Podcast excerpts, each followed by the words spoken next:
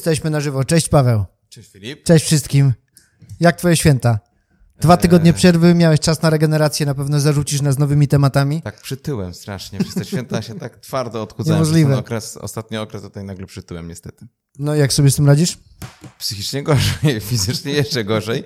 Natomiast bardzo, e, bardzo niedobry efekt. No. Dopinałem się w koszulach, teraz przestaję się dopinać. No ale tą energię na pewno z jedzenia wykorzystasz na Nowe tematy. nowe tematy. Tak, a ty jak po świętach?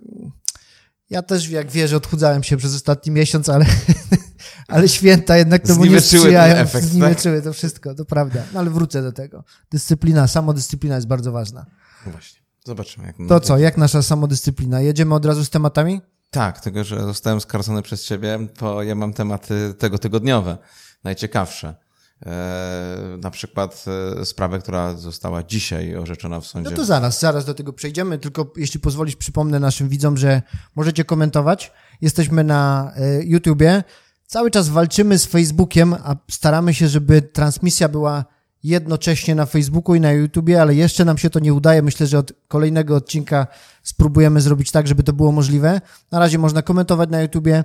Te komentarze, które my będziemy odczytywać, będą się ukazywały na ekranie. No i będziemy się odnosić do tego, postaramy się kompleksowo na tyle, na ile czas pozwoli.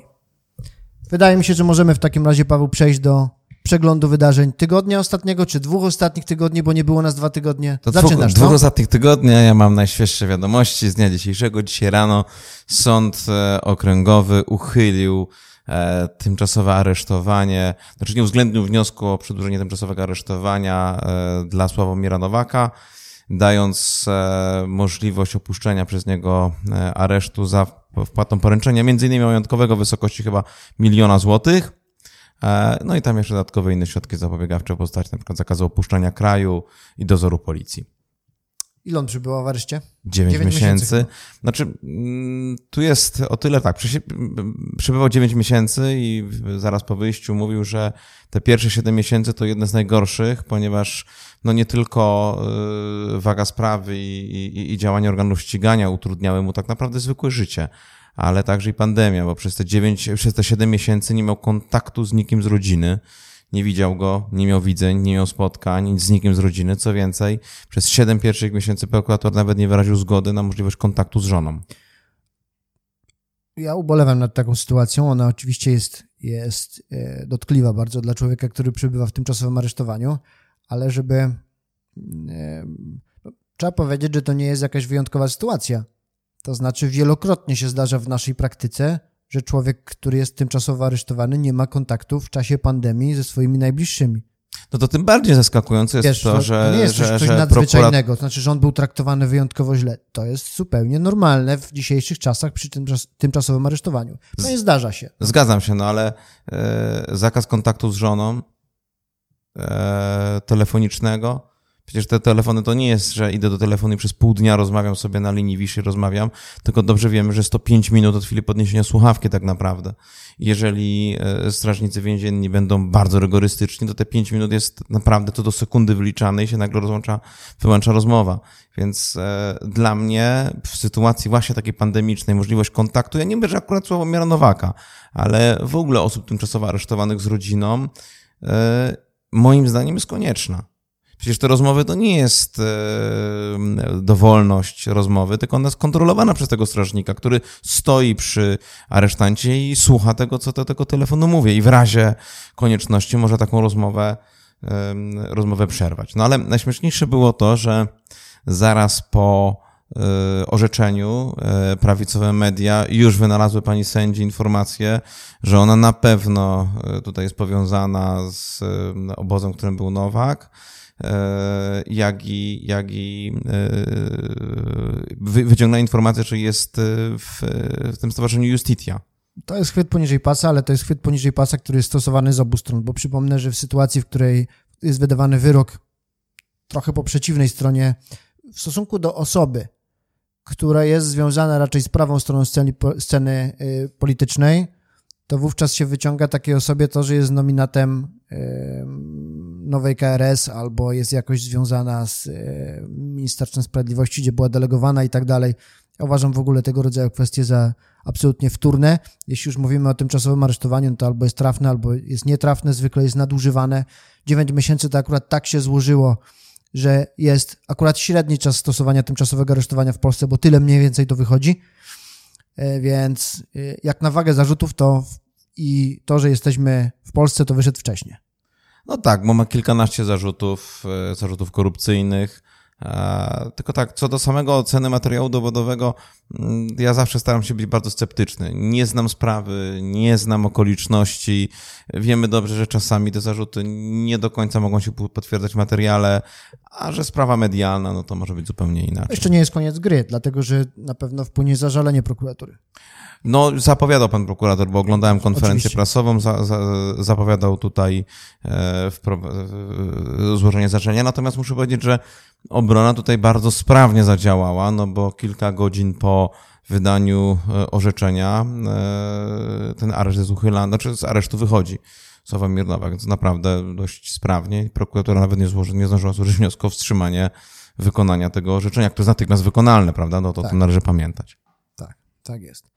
No dobra, ja mam taki temat, który jest, y, nie jest może tak gorący i nie jest tak aktualny, y, ale chwilę nas nie było. W, w, nie robiliśmy bez żargonu przez dwa tygodnie ze względu na święta, a w międzyczasie weszła w życie nowelizacja ustawy o Sądzie Najwyższym, która trochę mm, ułatwia centralne sterowanie tym y, organem, jakże ważnym. Otóż obecnie jeżeli e, ta, ta nowelizacja prezydencka wprowadza taką zmianę, że w wyborze e, prezesa Sądu Najwyższego w sytuacji, gdy nie będzie można osiągnąć kworum, nie będzie można osiągnąć większości dwóch trzecich, to w kolejnym głosowaniu wystarczy połowa, w kolejnym wystarczy jedna trzecia. W związku z tym powstaje takie, taka obawa. Że wybierze prezesa jeden sędzia. ja zagłosuję na siebie, tak? że tak... naprawdę niewielka ilość spośród sędziów Sądu Najwyższego e, od razu mm, przychodzi na myśl to, że jednak ci starzy sędziowie mają wciąż większość w Sądzie Najwyższym. No, w każdym razie, że będzie możliwe ze względu na to, że jeśli się nie da uzyskać e, tej większości dwóch trzecich czy połowy, no to ta mniejszość e, e, ma prawo do tego wyboru i, i z tego będzie wyłaniany prezes Sądu Najwyższego. Zobaczymy, czy oberwę od ciebie, ale z dzieciństwa pamiętam taką bajkę Smurfy. I tam jak papa Smurf wyszedł jakąś podróż, to Smurfy wybierały Smurfa naczelnika. I było głosowanie i tam Smurfy mówią wszystkie jak chórem, a ja głosuję na siebie. Więc tutaj tak samo może być. Będzie ten jeden ostatni sędzia, który będzie głosował na sam na siebie i będzie zgodny z, z linią rządzącą.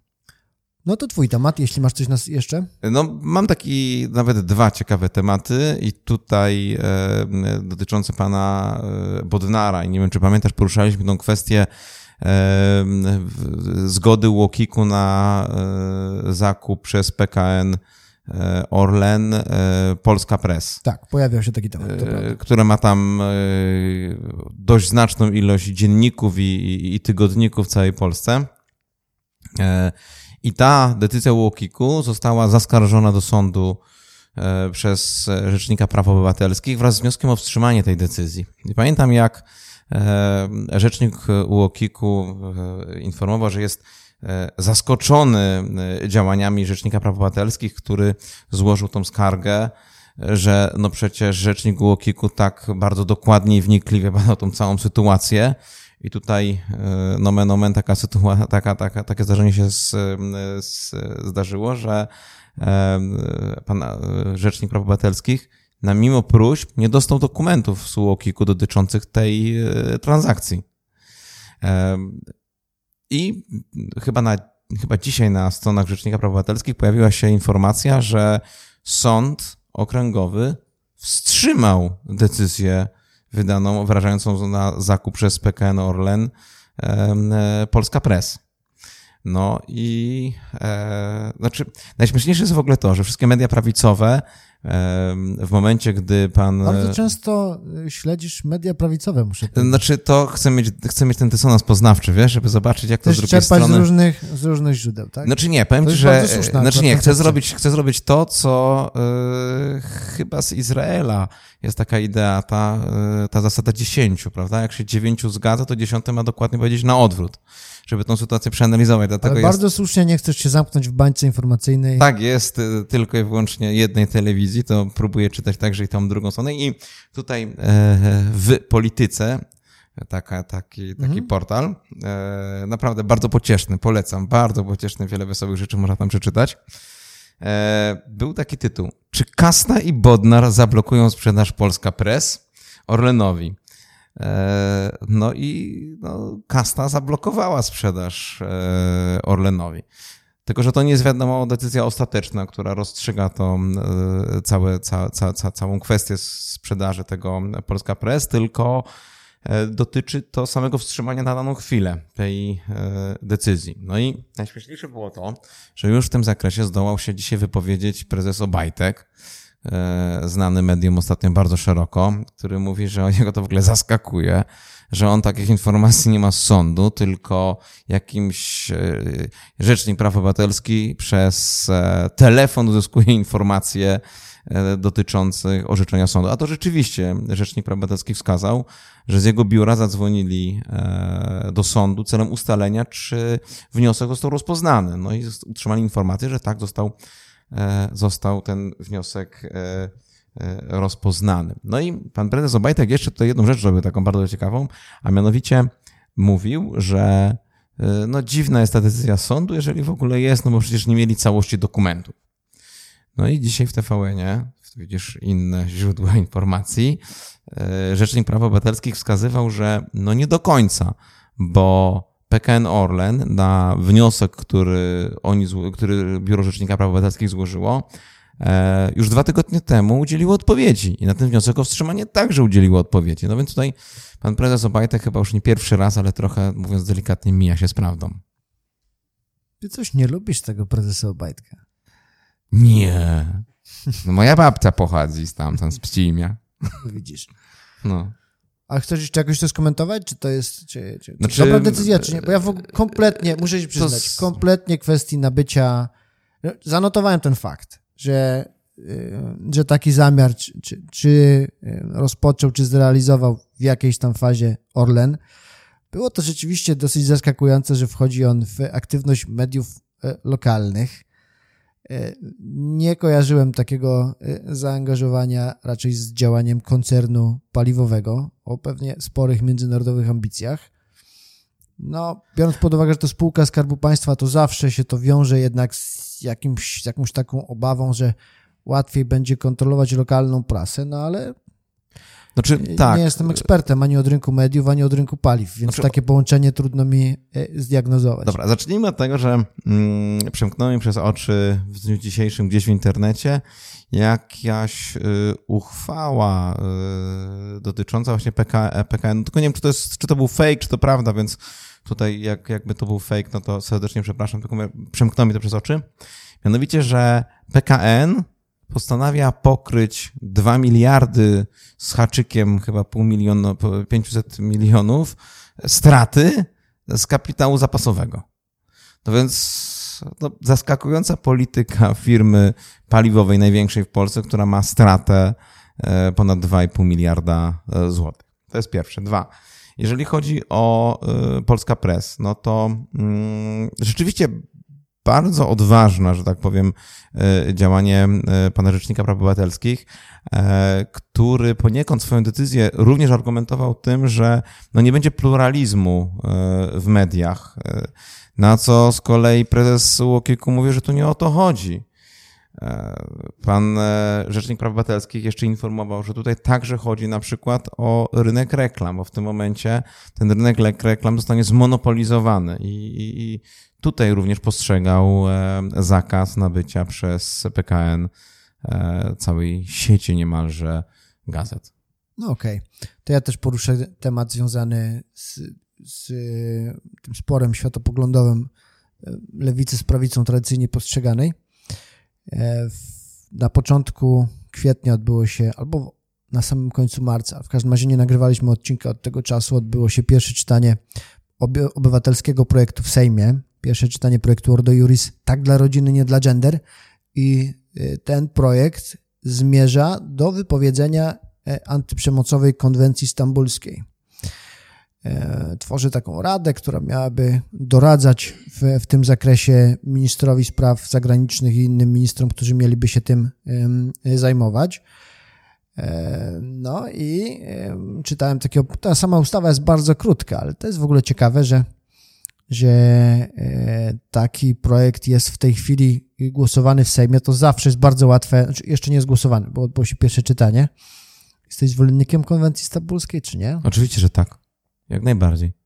Zresztą tutaj na ten temat będę chciał, żebyśmy jeden program poświęcili jako temat. Kiedyś, to... kiedyś zrobiliśmy odcinek o konwencji stambulskiej jeśli tak. To już nie pamiętam, popatrz, tyle tych nie wiem, nie wiem tak naprawdę, czy to był, jeszcze, czy to był odcinek, który nie, robiliśmy ale... razem, czy, czy, czy nie, ale w każdym razie tutaj się ukaże, bo potem możemy dodać to, także e, jeśli mnie pamięć nie myli, to, to był nawet tytułowy e, temat, czyli jakoś głębiej zbadany.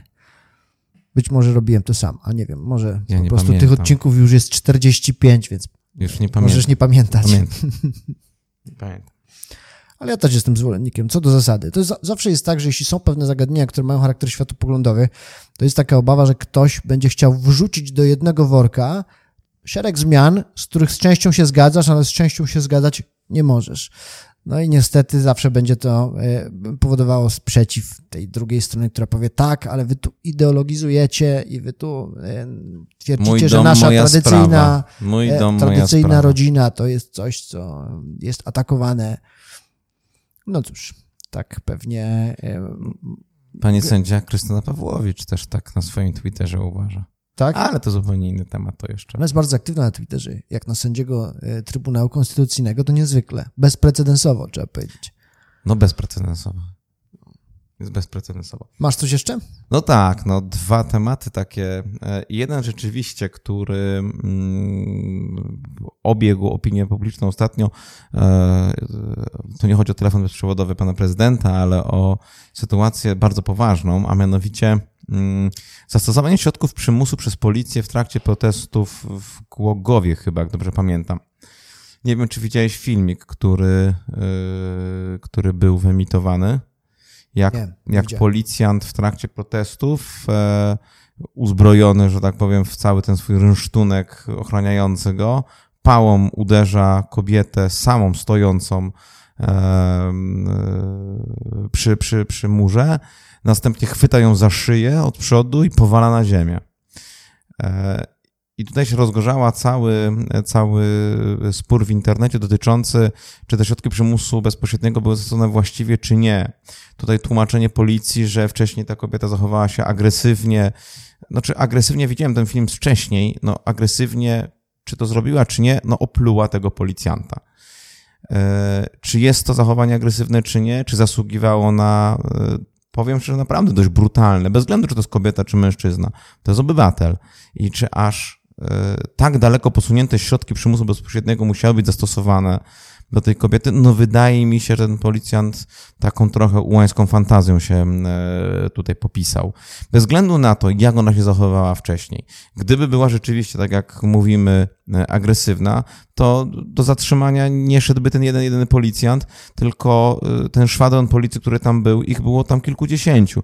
Więc podejrzewam, że gdyby rzeczywiście była agresywna i rzucała się na policjantów, to by w czterech ją bardzo łatwo w sposób no, zgodny z przepisami stosując środki przymusu bezpośredniego, powalili na ziemię po prostu i skuli i zatrzymali.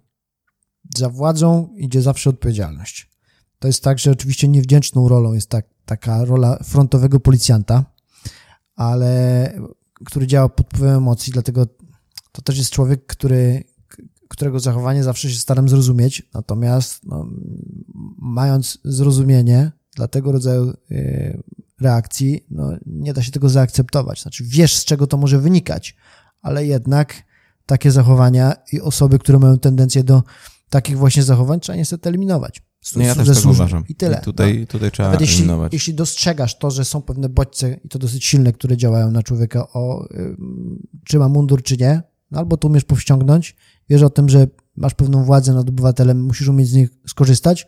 Jak nie umiesz, to jest nie dla ciebie robota i tyle. To ja w takim razie zrobię krótki slot edukacyjny, taki dosłownie 3 sekundowy. No to zamieniamy się w słuch wszyscy. 3 sekundowy. Policja to nie władza. To się tak utarło. Panie władzo. Nie, to nie jest pan władza, to jest policjant. To nie jest żadna władza. Mamy trzy inne władze i koniec tematu. No. Wiesz, To był mogą- ten sled eduka- edukacyjny. Możemy dyskutować na ten temat, bo jednak mogą stosować środki przymusu. Poza Ale tym, nie jest władzą. Koniec tematu. Z czasów komuny się wzięło. Panie władzo. Nie, to nie jest władza. Koniec Ale to jest, tematu. wiesz, to, to Nie spieramy się o semantykę. Nie dyskutuj. Dobra. E, Mamy komentarze dotyczące tego tematu Orlenu. Może wrócimy do tego. Wojtek Kwaśniewski pisze, że Orlen stracił 50% kapitalizacji na giełdzie za Obajtka, za czasów prezesury Obajtka i to jest kryminał. Pewnie nawiązując do tego, że to jest szczególnie ważna sprawa, a nie kwestia tego, czy, czy nam ktoś kupi Polska Presę, czy nie, bo tak rozumiem, że to w kontekście tego, tego zakupu i ewentualnie zablokowania tego przez sąd okręgowy jest ten komentarz. A potem Maciej Kula e, z kolei komentuje w ten sposób, że pisze Orlen wypłaci 1,5 miliarda swoim akcjonariuszom, ponad 30% to skarb państwa z kapitału zapasowego. No cóż, nie znam wyników e, Orlenu, ale e, przypuszczam, że rzeczywiście nie są one najlepsze. Znaczy, je- jestem bardzo ciekawy, bo Nie pamiętasz znam taki... dokładnych wyników Orlenu. Tak, ale pamiętam taki z kolei taki obrazek, mm, jak Jarosław Kaczyński jeszcze będąc, że tak powiem, w większej sile fizycznej za czasów rządów Platformy, wyskoczył na sejmową mównicę trzymając w ręku karnister, na którym nakleił jaka wysokość kwoty e, w paliwie jest akcyza, podatki, ile to tak naprawdę kosztuje paliwo. No i mogę ci powiedzieć, że to paliwo było niemalże w tej samej cenie, co obecnie na Orlenie, tym, że wtedy baryłka kosztowała ponad 100 dolarów, a teraz kosztuje 60. A ceny były identyczne. Czyli chcesz przez to powiedzieć, że e, cała reszta Popatrzcie, to, tak, są to są jakieś obciążenia są, podatkowe, tak? podatki, opłata paliwowa, akcyza, podatki i tak dalej, i tak dalej, i tak dalej. I mimo tego, mm, mimo w sumie takiej dominującej pozycji na polskim rynku przez e, Orlen, notuje on e, stratę. No, wiesz co, ja myślę, że niespecjalnie bym się przejmował taką kwestią jak kapitalizacja. Ona się z czegoś tam bierze, ale może też być efektem jakiejś gry rynkowej. Patrzyłbym na to, jaki mają wynik takie spółki, natomiast yy, w co inwestują, jakie są ich bieżące operacje, ale szczególnie, no to znasz moją i, wy też znacie mój pogląd na temat spółek Skarbu Państwa. To są yy, relikty pewnych czasów kompletnie, kompletnie niepotrzebne. E, może w pewnych obszarach jakaś, jakiś tam obszar kontroli by się przydał, ale no nie może to być tak, że, że jest to tak naprawdę pole do tego, żebyś ty mógł jako polityk sobie obsiać to swoimi znajomymi i się no, uwłaszczyć jak na jakimś księstwie. No. No ale przepraszam, no zobacz, no to są uwłaszczeni. Ale no zawsze, to jest- ale zawsze jest- byli. To nie jest, to No jest dlatego myślę, tego... że potrzebna jest zmiana Ja, ja ustawy. nie krytykuję obecnej władzy, ja krytykuję pewien system, który funkcjonuje Ale nie e, wiem, czy wiesz, od jest wielu, system- wielu lat. Ale jest system nadzoru nad e, spółkami Skarbu Państwa. Tylko on tak naprawdę z kulawy nie działa i nie funkcjonuje. Ale co, mówisz o Ministerstwie Aktywów Państwowych, Nie, czy w ogóle o Ministerstwie... ustawie, i która pozwala. A no, to też będę chciał kiedyś zrobić na tym bardzo ciekawy program. Zresztą mam pomysł na bardzo ciekawego gościa w tym zakresie i myślę, że, że to będzie mm, dość dokładnie e, przegadane e, odnośnie właśnie spółek Skarbu Państwa. Natomiast Wojtek napisał, że dolar był po 2 złote, a teraz jest po 4. Nie, Wojtek, no dolar. To ja byłem wtedy bardzo mały, kiedy dolar był po 2 złote. Wiesz co, był po dwa z kawałkiem. To nie, może nie po dwa zupełnie, ale po, poniżej 2,50 był. Aż, By- aż, aż sprawdzę. No, Aż sprawdzę. Aż sprawdzę. Tak było. No i jeszcze jeden. Masz jakiś ciekawy temat? Nie, ja już wyczerpałem No wszystkie to najnowszy temat, to przecież ja tego nie mógłbym pominąć. Raport Macierewicza e, i, pod, i y, Komisji do Spraw ponownego zbadania e, wypadku, ale to nawet nie o to chodzi. Bo to ha, ha, ha, hi, hi, hi, ale to jest mega poważna sytuacja, ponieważ już pomijam to, czy wprowadza błąd, czy nie wprowadza błąd, natomiast e, w tym raporcie i w filmie, który niestety musiałem oglądnąć, były informacje, że w, w, na pokładzie były ładunki wybuchowe, które wybuchły. E, Zostało, e, te ładunki zostały zamontowane prawdopodobnie rok kiedy, wcześniej, kiedy był samolot w Rosji e, na e, przeglądzie technicznym. E, Te ładunki są takie, jakie używają go e, bandyci terroryści. I to mnie przeraża. Już pomijam to, czy to dzieli społeczeństwo, czy nie Mnie dzieli terroryści też przerażają. Ale nie, ale e, forowanie takich twierdzeń, no to w takim razie tak, Rosjanie zamordowali nam prezydenta i co z tym zrobimy? To takie retoryczne pytanie. Takie retoryczne pytanie. Mówię ci, po- ponadprzeciętnie dużo czasu e, poświęcasz na analizę doniesień prawicowej A prasy. tutaj akurat słuchałem e, kontrwywiadu w RMF-ie i pana posła Cymańskiego. bardzo ciekawe, bardzo ciekawe było, naprawdę, bardzo ciekawe było. Powiedział, że pan, no dobra, od, od, odwołuje do, do... Bo masz tu nade mną dużą przewagę informacyjną. Ja po prostu nic nie wiem na temat tego raportu. No widzisz, no naprawdę, bardzo Więc ciekawe. ja nie wejdę w tą dyskusję. Bardzo ciekawy raport. Na pewno yy, podobno i, a, i Włosi to badali, i, Amerykanie to badali i znaleźli tam fragmenty. Może wy coś wiecie na temat tego, co w tym raporcie jest e, napisane, więc możecie wejść w polemikę z Pawłem, ale ja się nie podejmuję, bo po prostu nie mam pojęcia, co tam jest. No dobra, skończmy w takim razie. Nie widzę komentarzy, także muszę cię zasmucić. Jesteś jedyną zainteresowaną tym raportem osobą. Znaczy jestem za, w ogóle zafascynowany osobą e, ministra byłego e, Macierewicza. Nasz biegły e, krakowski w jednym z programów w telewizji prawicowej e, stwierdził, wstał i gratulował ministrowi i dziękował, że Polska go ma. Jego dzieci go uwielbiają, pana ministra. No dobra, to chyba tyle, jeśli chodzi o przegląd. Nie będę tego komentował. Nie komentuj. Tyle, jeśli chodzi o przegląd wydarzeń? Tyle. Dobra, to możemy przejść do następnej części. A tą następną częścią jest segment edukacyjny. To jest nasz nowy wynalazek sprzed tygodnia lub dwóch. E, Segment Wiedz to. I w tym tygodniu chciałbym Wam opowiedzieć o tym, jak się należy zachować na rozprawie sądowej. Przede wszystkim to trzeba się do niej właściwie przygotować. Jeśli miałbym sprowadzić to do jakiegoś wspólnego mianownika, i e, odpowiedzieć na kilka pytań związanych z nie tylko moją pracą, ale z tym, co ja obserwuję w praktyce, to zaskakująco wiele osób nie wie o tym, że może się zapoznać z aktami sprawy sądowej, która ich dotyczy. Kiedy sprawa jest w sądzie, akta sprawy są jawne. Dzisiaj pewnym problemem jest konieczność zamówienia tych akt czasem z kilkutygodniowym wyprzedzeniem, ponieważ czytelnie ze względu na warunki e, sanitarne są wietrzone i e, no, niestety nie da się tam wejść w większej liczbie.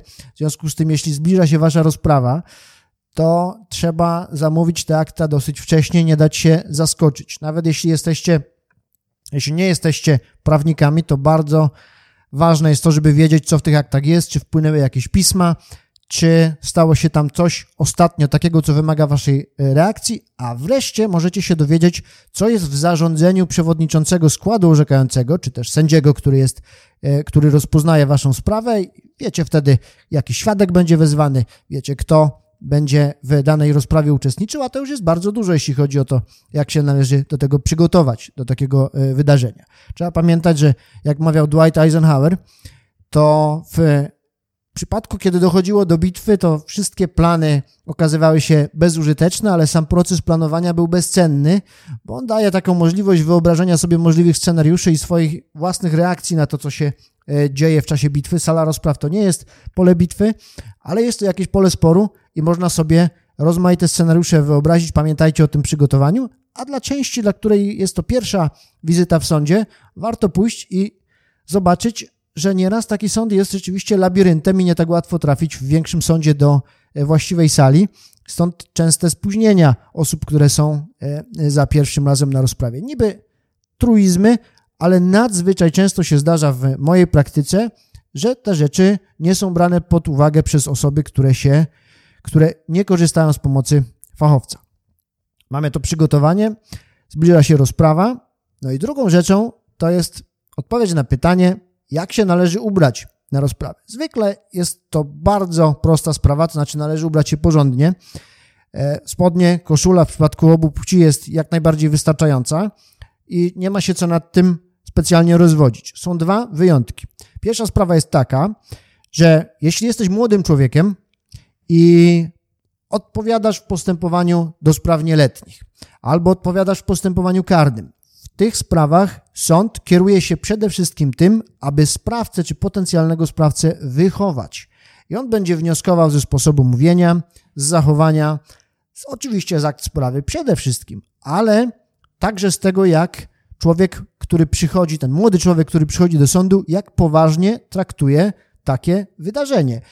A strój świadczy o tym, że traktuje wydarzenie albo poważnie i przemyślał to, jak ważne to jest w jego życiu, albo traktuje niepoważnie, zamierza lekceważyć sąd już tym, w jaki sposób się ubrał. Więc jeśli jesteś młodym człowiekiem i y, przychodzisz do sądu i to ty możesz odpowiadać przed sądem, ważne jest, żeby się ubrać szczególnie, szczególnie dobrze.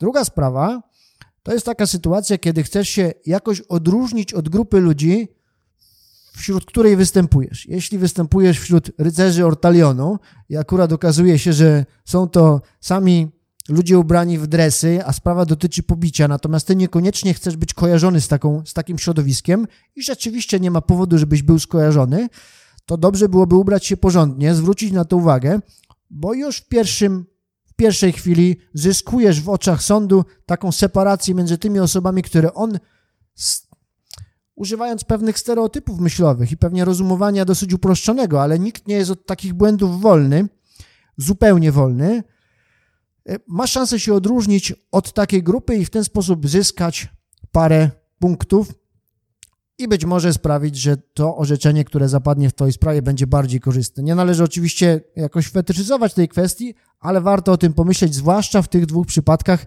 kiedy ten strój może być istotny. Trzecia sprawa, o której chciałem Wam powiedzieć, to jest kwestia tego, jak mówić i jak słuchać. E, przede wszystkim, jeżeli mówimy do sądu, albo sąd mówi do nas, to robimy to w pozycji stojącej.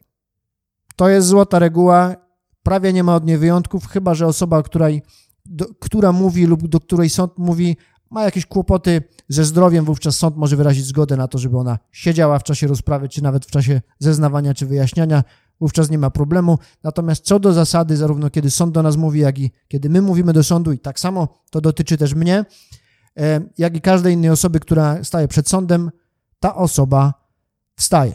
Do sądu mówimy zawsze wysoki sądzie albo proszę sądu. I jeszcze jedna ważna reguła, którą należy e, zapamiętać w związku z udziałem w rozprawie, to co do zasady nie rozmawiamy z drugą stroną. Czyli to nie jest tak, że my sobie siedzimy po jednej stronie e, sali, po drugiej stronie naprzeciwko nas e, siedzi druga strona, e, nasz przeciwnik, i my wdajemy się w bezpośredni spór. Tak naprawdę argumentujemy tylko do sądu, jakby do trzeciej strony, nawet jeśli odnosimy się do słów, które padły od naszego przeciwnika. Nie ma bezpośredniej wymiany zdań, chyba że sąd na to zezwoli w jakichś wyjątkowych okolicznościach, kiedy mówi na przykład, że no to panie czy panowie, to sobie to przedyskutujcie, teraz ja e, przez chwilę będę milczał, a może osiągnięcie porozumienia. Jeśli nie ma czegoś takiego, mówiście tylko do sądu. Oczywiście, jeśli jesteście z pełnomocnikiem czy z obrońcą, można po cichu się skonsultować, nie ma tutaj zakazu, tak żeby e, jednak nie zakłócać e, ciszy na sali rozpraw, a przynajmniej nie zakłócać przebiegu, może bardziej niż ciszy, bo to tam cicho może niekoniecznie jest. Natomiast ważne, żeby nie przeszkadzać. E, czwarta sprawa to jest, jak generalnie traktować sędziego, jak traktować sąd. Otóż trzeba sobie zdać sprawę z tego, że sąd to jest Twój potencjalny sojusznik. Tak i tylko tak należy traktować sąd. Często się zdarza, że osoby, które mają bardziej wojowniczy e, temperament, w sytuacji, w której e, sąd okazuje swoją przewagę na sali rozpraw, a ma tych przewag naprawdę wiele, konfrontują sąd jest to pierwszy błąd wynikający z nieprzemyślenia swojej roli w procesie. Sąd może naprawdę dużo w trakcie procesu zrobić. Może ci pomóc, może ci przeszkodzić. To także jest człowiek. Naiwnością byłoby uważać, że wszystko, co zrobi sąd, jest podyktowane tylko i wyłącznie treścią materiału dowodowego. No tak niestety nie jest. Jest tak, że podlega on także pewnym sentymentom, resentymentom, które obserwuje i na pewno Głupie byłoby, wręcz głupie byłoby zaszkodzenie sobie poprzez niewłaściwe traktowanie sądu na sali rozpraw. Trzeba pamiętać o tym. Sędzia to jest potencjalny sojusznik. On może pomóc Ci w realizacji Twoich celów poprzez orzeczenie zgodnie z tym, jak Ty wnosisz w tym postępowaniu. Bardzo ważna sprawa i też wielokrotnie się zdarza, że jest to sprawa ignorowana przez strony, które chcą konfrontować sędziego. Niepotrzebnie, nie róbcie tego. To naprawdę prowadzi tylko i wyłącznie do, na manowce. Mieliśmy takie zajęcia wiele lat temu z e, panem sędzią Wojciechem Dziubanem z Sądu Apelacyjnego w Krakowie. On obecnie jest już w stanie spoczynku. Pan sędzia mówił, że w naszym zawodzie, w zawodzie adwokata, to e, taką e, odpowiedzią, takim odpowiednikiem zasady primum non nocere, czyli po pierwsze nie szkodzić, jest to, żeby nie zdenerwować sędziego. Nam, młodym wtedy adeptom, aplikantom adwokackim, mówił to 12 czy 13 lat temu i e, to jest rzeczywiście złota zasada. E, trzeba o tym pamiętać. Niepotrzebnie byłoby stracić swoje szanse już na początku albo je obniżyć i to w sposób niepotrzebny, oderwany od materiału dowodowego. Kolejna sprawa, o której warto pamiętać, chyba już piąta, jeśli dobrze liczę, to jest kwestia tego, żeby pamiętać o tym, że rozprawa może trwać dosyć długo.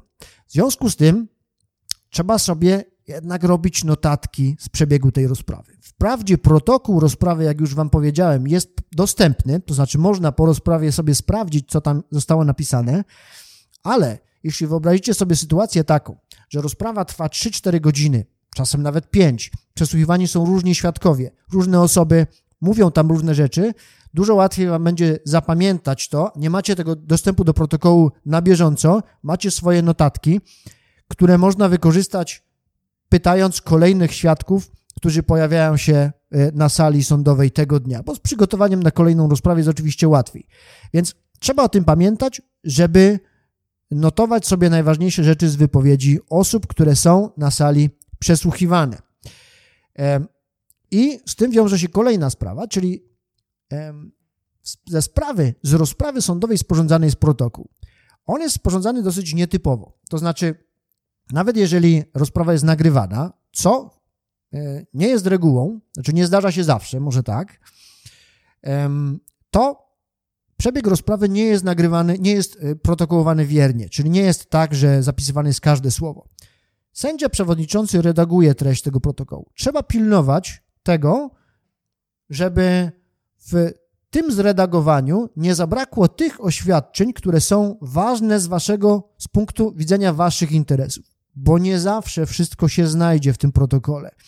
Ważne jest, żeby y, mieć baczenie nad tym, co zostaje zapisane z wypowiedzi świadków, czy oskarżonych, czy powodów pozwanych w procesie, co znajduje, co jest przelane na papier podyktowane przez y, sędziego przewodniczącego. Bardzo ważna sprawa, żeby sobie tego przypilnować. Można potem próbować prostować takie protokoły, przesłuchuje się protokolanta, można, czy, ale to jest, to jest zawsze skomplikowana sytuacja. Jeśli na bieżąco przypilnujecie sobie protokołu, także w oparciu o swoje notatki, macie dużo większe szanse na to, żeby taki protokół odzwierciedlał także tą część przebiegu rozprawy, która jest szczególnie istotna z punktu widzenia waszych interesów.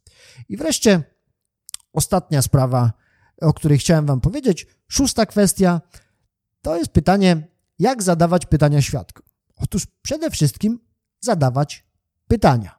Bardzo, bardzo często zdarza się tak, że najpierw pada jakieś pytanie ze strony e, powoda, pozwanego, oskarżonego, e, po czym odpowiedź świadka jest niesatysfakcjonująca i ten oskarżony czy powód natychmiast chce skonfrontować osobę, która coś powiedziała, mówiąc do sądu: Nie, tak nie było, absolutnie, przecież ja tam pana widziałem.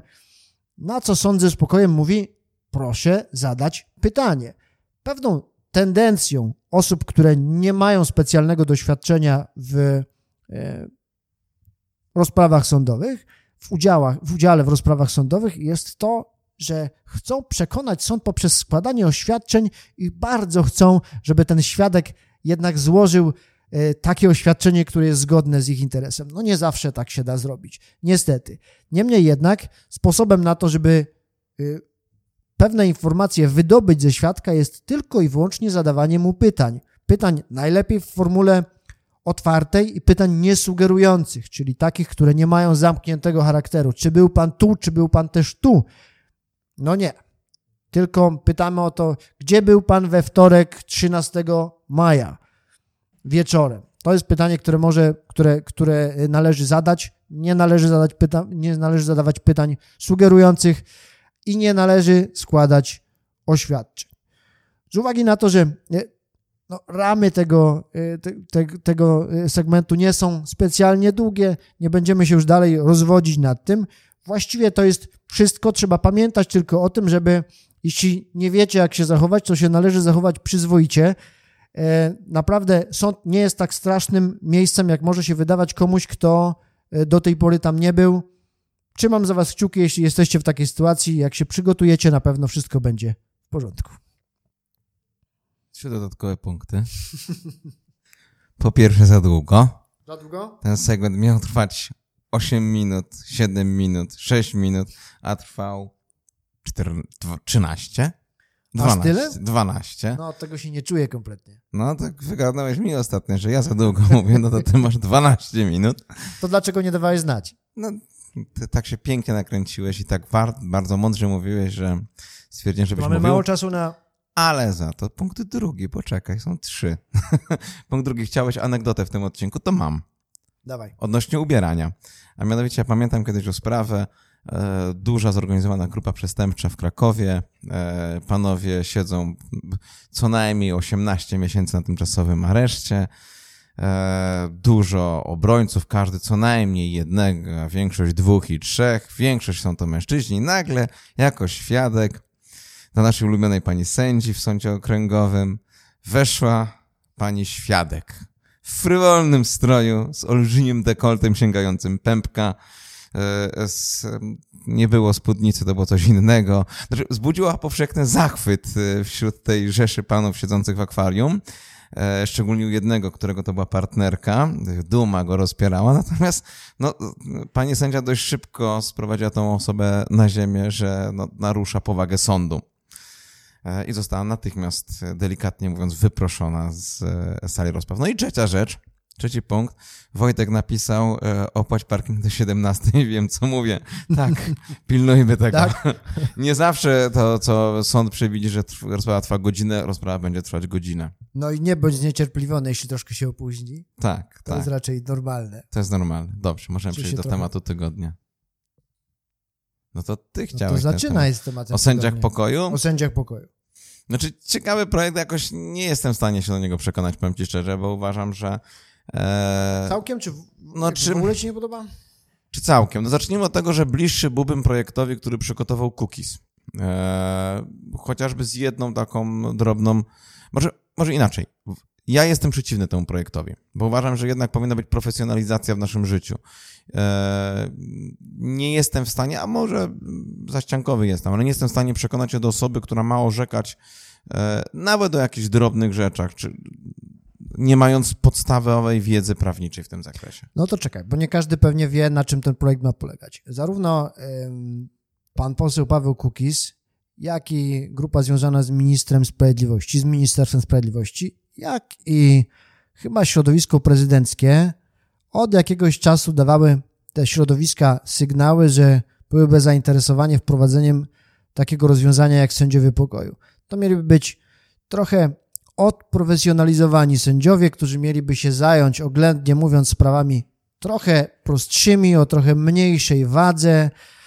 E, za to byłaby to taka sprawiedliwość bliżej ludzi, i sąd byłby szybszy. Doszłoby także do odciążenia sędziów zawodowych, którzy są bardzo oburzeni pracą i na skutek tego skróciłby się czas rozpoznawania tych spraw. Takie są założenia zrębowe, jeśli chodzi o ten projekt, a teraz możemy przejść e, do szczegółów. Powiem jeszcze tylko tyle, że to jest projekt z marca, bodajże 18 marca Ministerstwo Sprawiedliwości przekazało założenia do tego projektu, i to jakoś tak dojrzewało w nas, dojrzewało, żeby się tym zająć. Kilka razy mówiliśmy o tym na zasadzie e, wspomnienia przy przeglądzie wydarzeń, ale było też sporo głosów, czy w grupie, czy wśród naszych znajomych, żeby się tym zająć i, i omówić ten temat trochę bardziej e, pogłębiony sposób. Przepraszam, że zająłem tyle czasu mówiąc o tym, jak się przygotować, jak się zachować na rozprawie. Mielibyśmy więcej teraz, żeby Paweł mógł powiedzieć o sędziach pokoju, ale Ja tu zostaję i cię słucham. Znaczy nie, znaczy, yy, znaczy tak, idea jest taka, żeby ci sędziowie byli bliżej społeczeństwa. Cookies nawet proponował, żeby te wybory były na poziomie gminy. Projekt y, ministerstwa idzie trochę wyżej, żeby to było na poziomie powiatu ci sędziowie, żeby byli wybierani. Natomiast yy, uważam, że ja nie wiem, czy my jesteśmy gotowi, nasze społeczeństwo, do tego, żeby yy, zwykli ludzie mogli tutaj yy, orzekać. Czy to usprawni pracę sądów? No, popatrz, to będzie konieczne zbudowanie całego aparatu, sekretariatu, służby administracyjnej dla tych ludzi, bo według projektu rządowego E, to nie jest tak, że Kowalski sobie zasiądzie i będzie e, orzekał, tylko on musi mieć ku temu lokal, e, musi mieć ku temu protokolantów, musi mieć ku temu całą administrację, która będzie wzywała na te, na te rozprawy, czy, czy, czy, czy w inny sposób pomagała w prowadzeniu tych spraw. To wcale nie usprawni prowadzenia tych rozpraw, po prostu przeniesie ciężar na innych ludzi. A teraz odprofesjonalizowa odprofesjonalizowanie e, orzekania w sprawach, moim zdaniem, no, to, to tylko negatywnie wpłynie. No bo nawet jeżeli sprawy mają być tam drobne do 10 tysięcy złotych, no to sprawa takiego na przykład wypadku, ale nie chodzi mi o wypadku z jakimiś uszkodzeniami e, na ciele, tylko na przykład zniszczenia samochodu. I tutaj e, kolizji drogowej, kolizji drogowej tak? tak, wykroczenia, i, ale potem odszkodowania na przykład od ubezpieczyciela. Przecież tu jest potrzebna wiedza jednak e, specjalistyczna, powołanie biegłego w tym zakresie. No, w jaki sposób usprawni to e, prowadzenie spraw w sądach? No przerzuci tylko to w inne miejsce, tak de facto. A potem i tak o tej decyzji będę się mógł odwołać do sądu powszechnego. No więc to w moim zdaniem w żaden sposób nie zmierza do usprawnienia tego postępowania. A poza tym, e, no, ci ludzie, to też, nie wiem, czy wiesz, według projektu rządowego, nie mogą pełnić innych funkcji, bo mają być teoretycznie niezawiśli. No więc czym oni się będą różnili od sędziów? Będzie to człowiek, który nie musi mieć wykształcenia prawniczego, musi być powyżej 30 roku życia, ale będzie niezawisły, bo nie będzie mógł nigdzie indziej pracować no to tak trochę... Yy... No pewnie będzie mógł pracować na uczelni, powiedzmy. No tak, no tak jak każdy sędzia teraz, prawda? No tak trochę pod publiczkę sprzedawane to, nie do końca tłumaczone yy, inne aspekty całego tego yy, projektu. Przecież można by naprawdę postarać się rozbudować ilość sędziów, którzy mogliby Wiesz co, sędziów mamy dosyć sporo. My mamy wysoki współczynnik sędziów na, na 100 tysięcy mieszkańców. Wydaje mi się, że gdzie nam brakuje, to w takim aparacie wspierającym sędziego, czyli w liczbie asystentów, e, Właśnie. w liczbie protokół, bo asystent, to też trzeba powiedzieć, że asystent to jest, to jest e, osoba po studiach prawniczych, która przygotowuje projekty aktów prawnych i jest już troszkę bardziej e, człowiekiem, który jest zaangażowany w merytoryczną pracę. Różnie to wygląda u różnych sędziów. Znaczy, wiem, że w Różnie sądzie, korzystają z, z sądzie, asystentów. w sądzie mają okręgowym chyba jednego na trzech nie wiem, ale no powinni mieć więcej. Sędziów. No tak, powinni no, mieć więcej. Oczywiście, że tak. Nie wiem, czy to jest kwestia liczby, liczby sędziów. Wydaje mi się, że mamy ich dosyć sporo. E, ja myślę tak, że może warto spróbować, chociaż z jednego, z jednego powodu, bo um, pamiętasz kiedyś użyłeś takiego argumentu a propos sędziów w sądach rodzinnych, że pewna monotonia w um, rozpoznawaniu tak. spraw tej samej kategorii prowadzi do tego, że popadają w rutynę. Wiesz, nikt nie, jest, nikt nie jest wolny od tego rodzaju zjawisk. Jeżeli jest tak, że ta sprawa ci jedna za drugą wygląda tak samo, albo są do siebie bardzo podobne i nie czujesz jakiegoś bodźca do rozwoju zawodowego, a właściwie jeśli to nie jest w tobie, to sędzia nie ma zbyt wiele bodźców, bo jest nieusuwalny, jest niezawisły, jest takiej sytuacji, że on ma stan spoczynku. Ja nie mówię, że, że jak już się go wybierze i on się nie zachowuje naprawdę źle, to go z tej pozycji strasznie trudno wyrzucić. On kiepskim sędzią można być przez całą karierę. Jest to możliwe.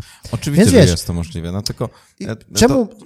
i pewien aspekt tego, tej, tej zmiany mi się podoba, a mianowicie to, że mają to być ludzie jednak ym, wybierani na kadencję. No ale jak będzie, jest... jak będzie wyglądała kampania wyborcza? Tania okazja, wyroki zasądzam, no, no, no jakoś mi się to po prostu nie widzi. Mnie się podoba kadencyjność na początku. Oczywiście potem możemy, można by było zrobić tak, że niekoniecznie projekt ten, o którym teraz mówimy, mi się podoba. Natomiast to, że żeby zostać sędzią takim nieusuwalnym i wybranym aż do stanu spoczynku, czyli do emerytury, e, tak naprawdę do przejścia w taki stan, że już nie orzekasz, to na początku jednak jedną lub dwie kadencje sześcioletnie powinieneś zostać wybrany i potem dopiero będąc 6 czy 12 lat e, takim sędzią, niekoniecznie sędzią pokoju, tylko sędzią w sądzie rejonowym, możesz startować w konkursie na sędziego, który jest już sędzią nieusuwalnym, tak jak, znaczy ja źle się, źle używam sformułowania nieusuwalnym, bo ten sędzia powinien być nieusuwalny, tylko chodzi o to, że już e, nie na czas pewnej kadencji, tylko aż do czasu osiągnięcia wieku, w którym przechodzisz w stan spoczynku. Znaczy, to by mi się podobało, więc aspekt kadencyjności na początku byłby w porządku. Jak znaczy, mnie się bardzo podobało to, co kiedyś powiedziałeś, jak powinno wyglądać e, naprawa polskiego sądownictwa. Porównałeś to do e, trawnika Wielkiej Brytanii, nie wiem czy pamiętasz, że trzeba e, kosić, nawozić, podlewać, kosić, nawozić, podlewać i tak 200 lat. No, myślę, że ten system edukacji sędziów i takiego większego szkolenia, ale prawników w ogóle, no wiesz, no też znaczy, nie, nie, nie, ma, no, no nie, nie, nie chciałbym, wiesz, zgadza się, nie chciałbym jasne, takiego jasne. wrażenia tutaj ale no nie, tak wywołać, tak że my się jakoś w stosunku do sędziów wywyższamy, bo to absolutnie nie, nie ma. Nie, nie, oczywiście, że tak. Żadnego uzasadnienia. Ale y, myślę, że na to by trzeba było kłaść większy nacisk, na y, ułatwienie pracy, żeby ta y, praca rzeczywiście mogła być szybsza dla takich sędziów, bo tu jest problem, bo jeżeli sędzia ma w swoim referacie sto kilkanaście spraw, musi e, pamiętać, co się działo na każdej poszczególnej, prawda? Chociażby tam w wydziałach cywilnych. Niektóre sprawy są kilkunasto, kilkudziesięciotomowe. E, w sprawach karnych tych tomów może być nawet i kilkaset. E, więc przygotować się do takiej rozprawy, no umysł ludzki też nie jest w stanie zapamiętać wszystkich spraw, wszystkich świadków, wszystkich biegłych, wszystkich okoliczności z każdej sprawy, bo to jest niewykonalne przecież. No dobra, ale jaka jest, jakie, bo być ja może zgubiłem tezę. Yy, rzeczywiście chodzi mi o to, żeby wspomóc tych sędziów służbom właśnie takich yy, administracyjną i na przykład właśnie asystentów. To by było droga moim zdaniem do przyspieszenia tych spraw, a nie a nie wkładanie sędziów w pokoju. Mi się ten projekt nie podoba o tyle, znaczy, jeżeli miałbym wybierać, to bym wybierał bardziej ten projekt kukizowy, który był. Prawda? Że tam musiałby, nie wiem, czy w projekcie prawnicze. musiałeś mieć wykształcenie wyższe prawnicze. No to ja też jestem tego zdania, że tak powinno być, że to powinien być taki trochę sędzia na próbę. I to by było lepsze rozwiązanie w mojej ocenie. No ale w tym, nie, w tym projekcie nie, w tym, w tym projekcie tego nie ma. W tym projekcie tego nie ma, absolutnie. To ma być taki trochę samodzielny ławnik. No, no tak to trochę ma być, tak, no, bo mamy już, udział, udział ale... mamy już udział czynnika społecznego w orzekaniu, tylko on jest dosyć bierny jednak. No bez ograniczenia, no jest bierny i był przez lata ograniczany przecież, aż do tak naprawdę zbędnego minimum. Mhm. Wojtek Kwaśniewski e, pisze tak, e, AI, sztuczna inteligencja już pracuje jako lekarz, jako wsparcie sprzedaży, jako serwis desk, może odpowiedź, odpowiedzią zamiast sędziów pokoju jest sztuczna inteligencja. Ona jest w niektórych, e, w niektórych ustawodawstwach wykorzystywana nie do tego, żeby wydawać e, ostateczne decyzje procesowe, ale na przykład, żeby, żeby szacować ryzyko powrotu do przestępstwa albo żeby wspierać decyzje co do środków zapobiegawczych, czyli na przykład tymczasowego aresztowania. No, mamy dozór, mamy poręczenie majątkowe, inne takie inne środki, które mają spowodować, że ten proces będzie przebiegał w sposób w miarę niezakłócony. Więc to się zwłaszcza w Stanach wykorzystuje do tego, żeby oszacować pewne Był prawdopodobieństwo. Taki film o pre-crime, pamiętasz? Przed przestępstwem już zatrzymywali tak, człowieka. Tak, wiem, wiem. No to do tego no, zmierzamy? Słuchaj, no, no, nie tyle, że my do tego zmierzamy, ale pytanie brzmi, co jest trafniejsze? Co jest trafniejsze w ocenie? Bo ja mam takie wrażenie, że, że czasami ocena oparta na prawdopodobieństwie wystąpienia zdarzeń przyszłych, której nasz sąd musi dokonywać rutynowo w każdym procesie. Jakie jest prawdopodobieństwo, że ktoś zakłóci bezprawnie proces karny? No i za każdym razem musi sobie wyobrazić, kim on jest i dostosować to do swoich dotychczasowych doświadczeń. I w oparciu o to wydaje pewną decyzję. Albo go zamknie, albo go wypuści, albo mu da milion złotych poręczenia, jak w dzisiejszym y, case'ie, o którym mówiłeś na początku, albo mu nie da w ogóle poręczenia, może da mu dozór i każe mu przychodzić na policję pięć razy w tygodniu, albo dwa razy w tygodniu, może mu zakaże opuszczać kraj, a może nie. I to jest trochę tak, że Ale nie ocenne zawsze... to jest oczywiście, Bardzo ocenne do ocenne. każdej sytuacji. Bardzo ocenne. Jest to w mojej, z mojej perspektywy, z tej strony stołu sędziowskiego, kiedy ja patrzę na te orzeczenia wydawane przez różnych sędziów w różnych sprawach, ma to nie tyle charakter losowy, ale w dużym stopniu ma to charakter ukształtowany przez dotychczasowe doświadczenia danego sędziego. Jak się okaże, że ktoś, e, że, że, że, że ktoś wyjdzie i na wolności popełni przestępstwo, to tymczasowe aresztowanie wzrasta jako tendencja do, do wzrasta tendencja do stosowania tego. Maszyna tego losująca środka. wylosowała dzisiaj dla Nie, ciebie nie, nie, nie można tak areszt. powiedzieć. Nie można tak powiedzieć, że to jest losowe. Ja tylko mówię o tym, że, że No ten nie, ale ja wiesz co, ale się algorytm jednej- stosowany przez sędziego nie jest niczym innym od algorytmu stosowanego przez sztuczną inteligencję. Ja mówię tylko o pewnym... To nie jest... To nie, to nie powinno być miejsce na przekazanie sfery decyzyjności. Nie. Chociaż wiesz, jakie jest zagrożenie zawsze. Jak się pojawi taka możliwość, to zaraz się, okaże, że sędziowie jakby zdelegują całkiem podejmowanie tej decyzji na komputer. Tak, będzie Ale no nie tylko enter. sędziowie, to w ogóle jest ludzka tendencja. No, taka próżność poznawcza jest naszą generalną cechą. Jak możesz coś zrobić łatwiej, no masz to jeszcze napisane, no przecież z tej analizy jasno wynika, Na przykład ja teraz że- SMS-y piszę głosowo, dlatego tyle błędów popełniam, jak z piszę. tej analizy jasno wynika, że należało tutaj zastosować tymczasowe aresztowanie, ponieważ ryzyko zakłócenia biegu procesu jest ogromne. I pewną- 74,6, na tak? przykład. Więc to jest zawsze, zawsze, każdy kij ma dwa końce. Mieliśmy jeszcze inne e, e, kwestie tego dotyczące. Łukasz Z pisze, i w tych dziedzinach AI się kompletnie nie sprawdza. E, To a propos tego komentarza Wojtka Kwaśniewskiego, że pracuje już jako lekarz AI, sztuczna inteligencja, jako wsparcie sprzedaży, jako service desk. Ja tego nie wiem.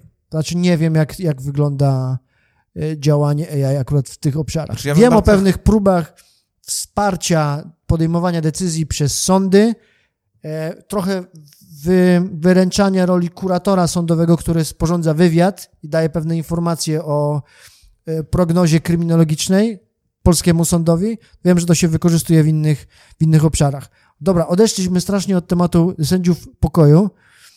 E, No tak. a jeszcze nie powiedziałeś, nie powiedziałeś o tym, jak to wygląda w innych państwach. A skąd, w wie, ogóle- a skąd wiesz, że wiem? Jestem przekonany, że wiesz. No Znaczy- miałeś tyle czasu, tyle Znaczy, energii. wiem, że jest to w Belgii, wiem, że to jest w Wielkiej Brytanii stosowane, wiem, że to jest w Stanach Zjednoczonych stosowane, w Stanach jest to stosowane w takich drobnych, mniejszych sprawach, chociażby wykroczeń drogowych. E, na YouTubie bardzo często jest taki fajny sędzia amerykański, e, który prowadzi te rozprawy wykroczeniowe tak bardzo po ludzku.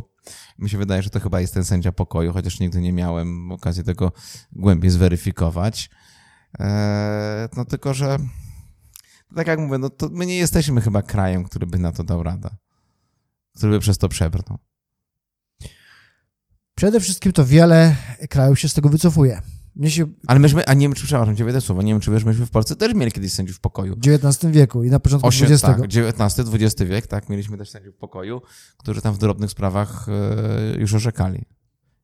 No to I w generalnie, 38 roku skończyli. generalnie wszędzie jest taka, to, taka sama koncepcja, że mieliśmy ich, mieliśmy odciążyć e, sędziów zawodowych. Ale skoro sędziowie zawodowi, to jest na, naprawdę nie jest łatwo zostać sędzią i trzeba sporo przejść w swoim życiu, żeby nim zostać. E, No i zostajesz takim sędzią, wydajesz wyroki, które są krytykowane, bo wymiar sprawiedliwości jest krytykowany z każdej strony. I wyobraźmy sobie, że ta sama krytyka e, spadnie na człowieka, który ma tylko takie przygotowanie, że w gruncie rzeczy wygrał te wybory na tego sędziego. Przecież jakie mamy gwarancje, że ten człowiek, który będzie orzekał w sprawach może drobniejszych, to się tak wydaje, że w tych drobniejszych sprawach strony będą mniej Ale oczekujące. Jeszcze więcej są Absolutnie. na przykład. Absolutnie. A gdyby takie Jest przekazali... na- oczywiście taka zależność, ale to nie jest Ale tak, gdyby że... na przykład tym sądom przekazali sprawę o reputacja- miedzę, o chłopie, to by coś było. Prawdą jest, że reputacja sędziów pokoju legnie w, gruza, w gru, legnie w gruzach, przepraszam, bardzo szybko. Jeszcze szybciej niż, niż może legnąć w gruzach reputacja sędziów zawodowych, którzy mają dużo lepsze instrumentarium, żeby dobrze orzekać i wyglądać przy tym poważnie. No, I mają poza- doświadczenie, Poza i mają no, wykształcenie. No, ale wiesz, no właśnie, to, no, tutaj, tutaj nie chodzi... To jest no, na pewno tak, duża obawa. jeszcze chodzi jeszcze jedną rzecz, znaczy umiejętność prowadzenia tej rozprawy, rozmowy z ludźmi. Przecież... e, no to akurat mogą mieć sędziowie pokoju. Bo wiesz, ale no nie, no, no nie, no nie, no to nie o to mogą mieć, ale nie muszą mieć. ale Natomiast sędzia zawodowy też nie ma, musi mieć. no to, no to zobacz sobie, jak wyglądają na przykład ta nowa aplikacja, która teraz jest tej w, w Ksipie robiona, to rzeczywiście ci ludzie mają wszechstronne e, przygotowywanie do tego zawodu. Wszechstronne. Mają wszechstronne przygotowanie, które nie obejmuje procesu emocjonalnego, w którym uczestniczysz, kiedy jesteś sędzią. Dlatego, że sędzia u nas jest człowiekiem, który nie spędził w zawodowej roli jednej godziny na sali rozpraw, jako, jako uczestnik procesu. No taki mamy system, że y, nie, nie, nie musisz być ani w jednej sprawie obrońcą, pełnomocnikiem, rozstrzygającym, oskarżycielem. Wchodzisz i to jest twój twardy debiut. Albo dasz radę, albo nie. No to, że miałeś wykłady, no to oczywiście w jakimś sensie cię to przygotowuje, no ale No, ale tam nie, tam są Ale szkolenia oczywiście. w drobnych grupach. Tam, ja nie mówię, że było sędziowie nie sali- mają tych kompetencji, natomiast mówię tylko tyle, że, że to nie jest tak, że akurat tych miękkich kompetencji Dobrze, obawiałbym się, że sędziom za... pokoju zabraknie. Tylko tego, do Myślę, tego za... twardych kompetencji zabraknie i tu bym raczej się bał. twardych i miękkich też zabraknie, ale oni do tego zawodu sędziowie przygotowani są latami na aplikacji sędziowskiej. Żeby zostać sędzią, ci ludzie zdają potwornie ciężki egzamin e, sędziowski, którego nie da się tak po prostu, a, dzisiaj wstaje Kowalski, a, zostanę sędzią pokoju i, i co, i on będzie kandydował. A poza tym E, mówimy teraz o zarabianiu tutaj, e, bo to mają być, e, ma, ma być dochodowe, prawda? W Polsce mają za to płacić. No to o ile oni mniej będą zarabiali niż sędziowie sądu rejonowego? No nie wiem, pewnie to będzie ukształtowane jakimś rozporządzeniem albo, albo czymś takim. Jest fajny komentarz y, Witka Skóry. E, A czy zanim wprowadzona zostanie taka zmiana, jest możliwe przeprowadzenie eksperymentu społecznego i wprowadzenie sędziów w pokoju na określonym terenie i na określony przedział czasu? Znaczy nie, bo w ogóle to musi być zmieniona konstytucja przecież. To Zaczynamy pierwsza od sprawa. tego, bo tutaj konstytucja mówi, że sąd, sąd, sąd, sądownictwie może sprawować e, władzę tylko sąd, sędzia, a nie sędziowie pokoju. To jest idea zmiany też konstytucji. Ale załóżmy, że taka zmiana nastąpiłaby i że mamy już konstytucję zmienioną. E, Ja w ogóle jestem zwolennikiem nie udawania, że jesteśmy w stanie wszystko przewidzieć, tylko utworzenia takich zmiennych obszarów eksperymentalnych, gdzie rzeczywiście możesz sobie na terenie danego, danej jednostki administracyjnej, czy to gmina, czy powiat, za zgodą wyrażoną w, referendum, w referendum mieszkańców wprowadzać określone zmiany ustrojowe. Ktoś chce mieć e, bardziej ekonomicznie liberalny e, ustrój, może sobie wprowadzić, możemy pewne rzeczy porównać i wtedy jesteśmy dużo łatwiej w stanie przewidzieć, jak dana, dany organizm może funkcjonować, gdyby go przełożyć na teren całego kraju.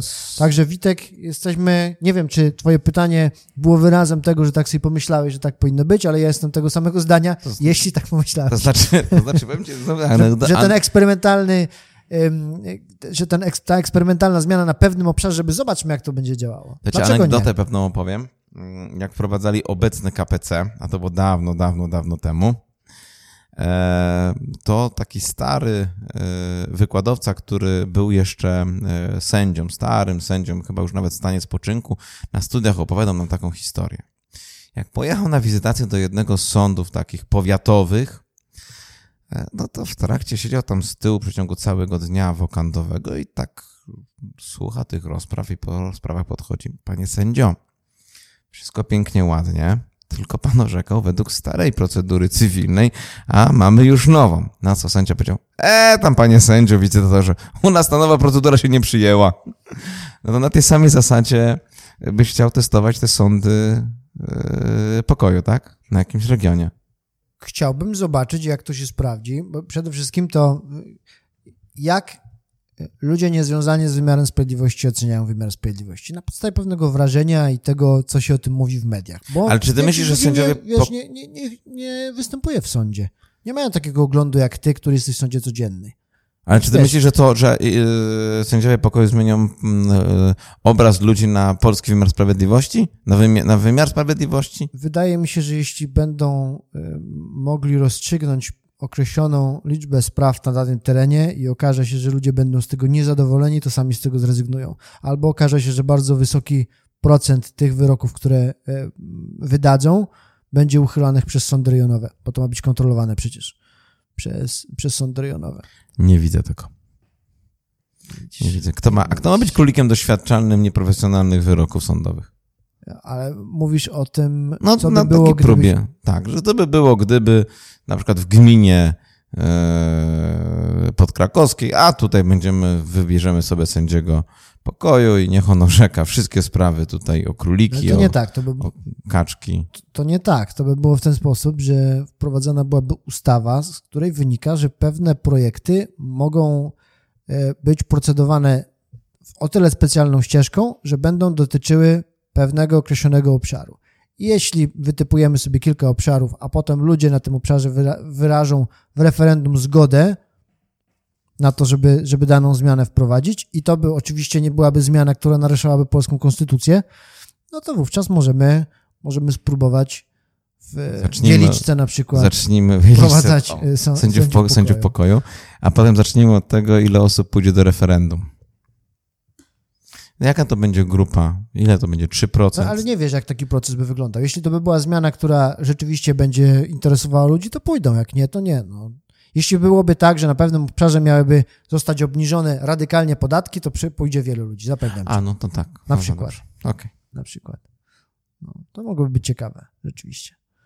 Ty byś takim sędzią pokoju mógł zostać. Ja absolutnie nie. Ja w ogóle nie chciałbym być sędzią, w związku z tym to jest ko- kompletnie Jak nie dla nie? mnie. Nie, nie. Nic z tych rzeczy. Nic z tych rzeczy.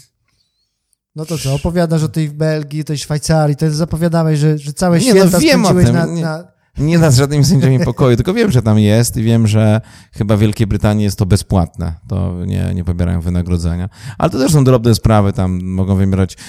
W Wielkiej Brytanii chyba mogą karę pozbawienia wolności do 12 miesięcy nawet orzekać. Ale ty już gadasz i gadasz, mamy pięć po dziesiątej. Dziękuję bardzo, skończyłem. Do zobaczenia za tydzień. Do zobaczenia za tydzień. Dzięki za dzisiaj. Było fajnie was zobaczyć, spotkać się z wami po dwóch tygodniach. Mam nadzieję, że mieliście fajne święta, że dobrze się z nami bawiliście. Do zobaczenia tym razem za tydzień. Cześć. Do zobaczenia.